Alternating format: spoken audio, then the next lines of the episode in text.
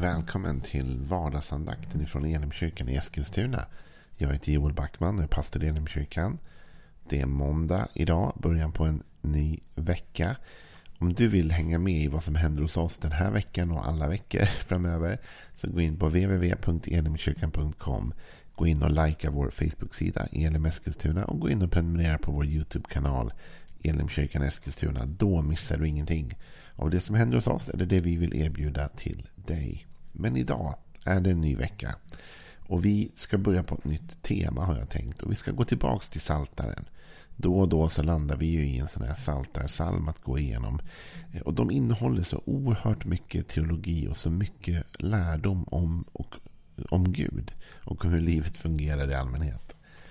Jag tänkte vi skulle läsa en av Davids salmer. Psalm 8. Och vi läser hela salmen och sen så kommer vi som vi har gjort tidigare att varje dag ta något parti i den och belysa lite extra. Psalm 8. För körledaren en psalm av David. Herre vår härskare, väldigt är ditt namn över hela jorden. Jag vill besjunga din himmelska prakt med ett barns, ett dibarns mun.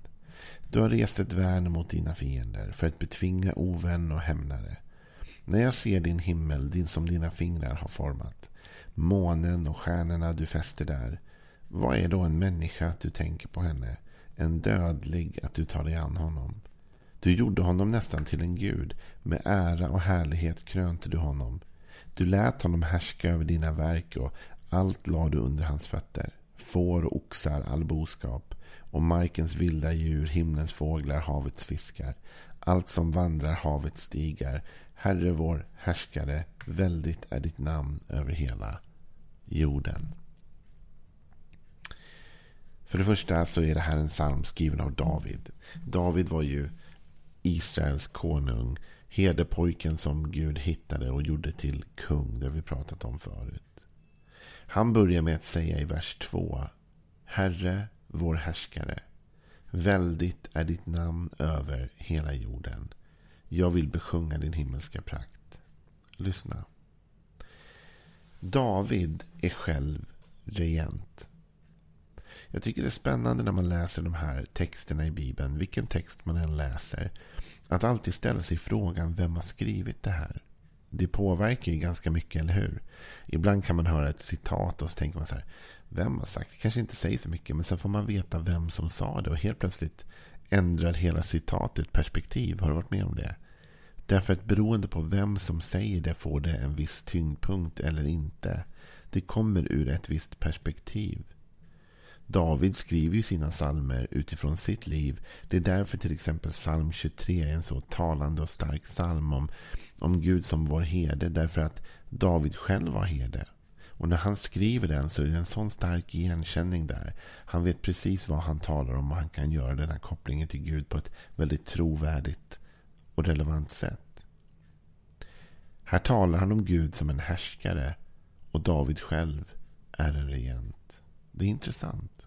Det är intressant att David som är kung i Israel och själv regerar över en av världens nationer på ett väldigt framgångsrikt sätt dessutom. Han bekänner sig själv stå under en annan härskare. Han erkänner att han har någon som står över honom, Herre, vår härskare. Och det finns en till intressant sanning här, om jag får utmana din tanke lite grann.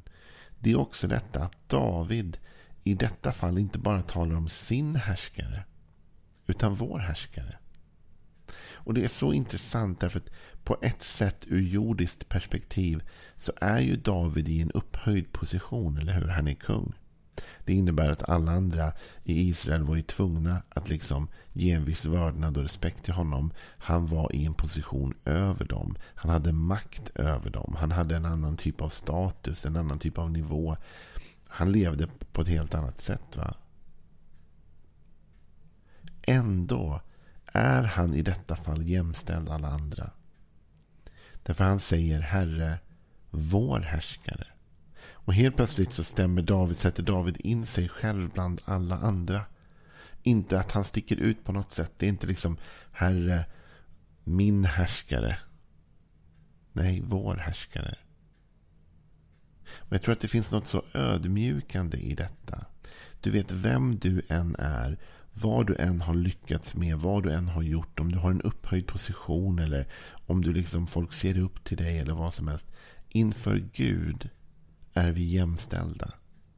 Inför Gud så ser vi inte de här topparna av att den personen som är så häftig och den personen som är så populär, den som har så stort following på internet. Nej, nej.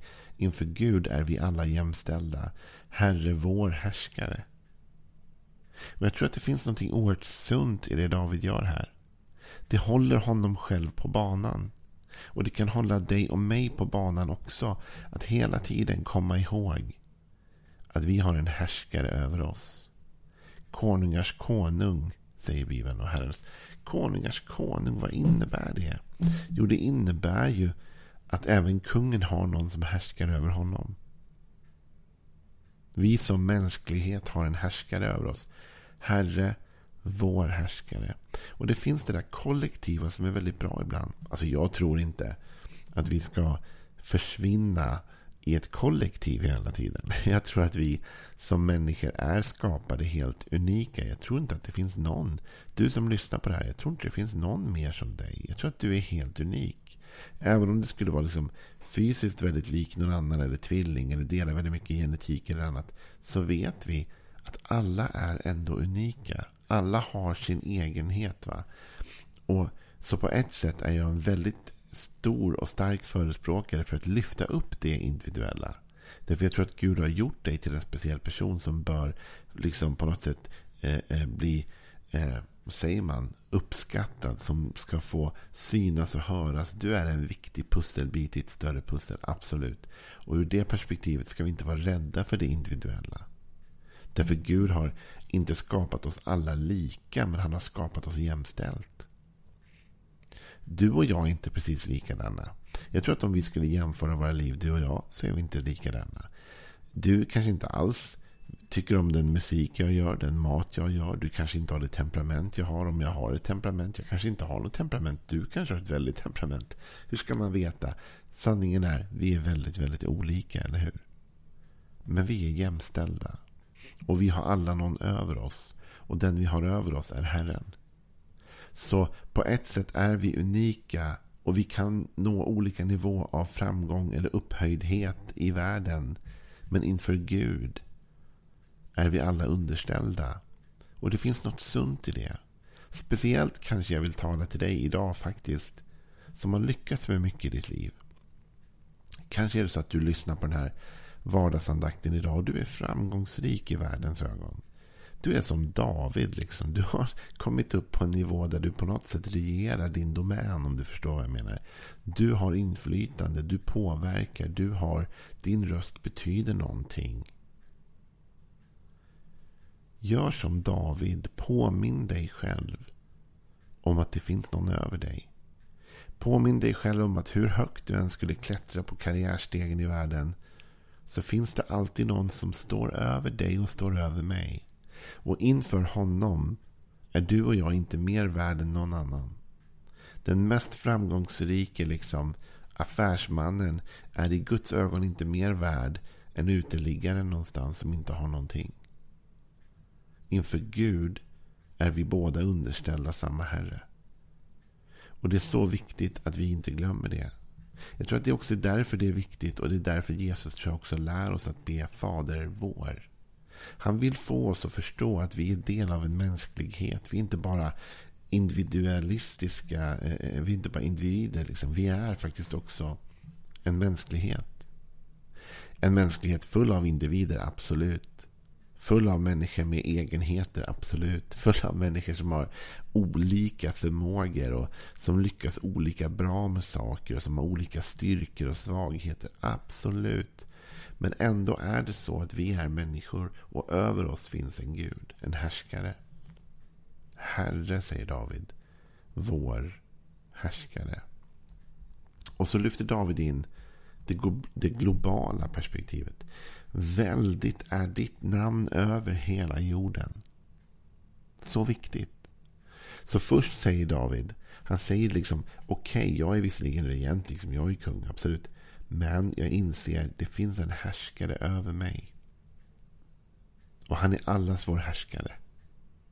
Och han är inte bara härskare, säger David sen, över mig och över Israel. Han är härskare och hans namn är väldigt över hela jorden. Han regerar överallt. Jag tror faktiskt att vi lever i en tid just nu då vi förstår det, glo det, det globalas inverkan mycket mer på våra liv än kanske förr. För vi ser över världen och jag lyssnar på presskonferenser eh, om covid och annat. Vet, och så hör man liksom i det landet händer det, i det landet händer det, i det landet händer det. Okej. Okay. Men vad gör det i oss? Vad påverkar det oss? Jo, det påverkar därför att vi förstår att hela jorden hänger ihop. Vi förstår att vi kan inte frånkoppla det som händer i alla andra länder i världen från det som händer här. Världen sitter samman.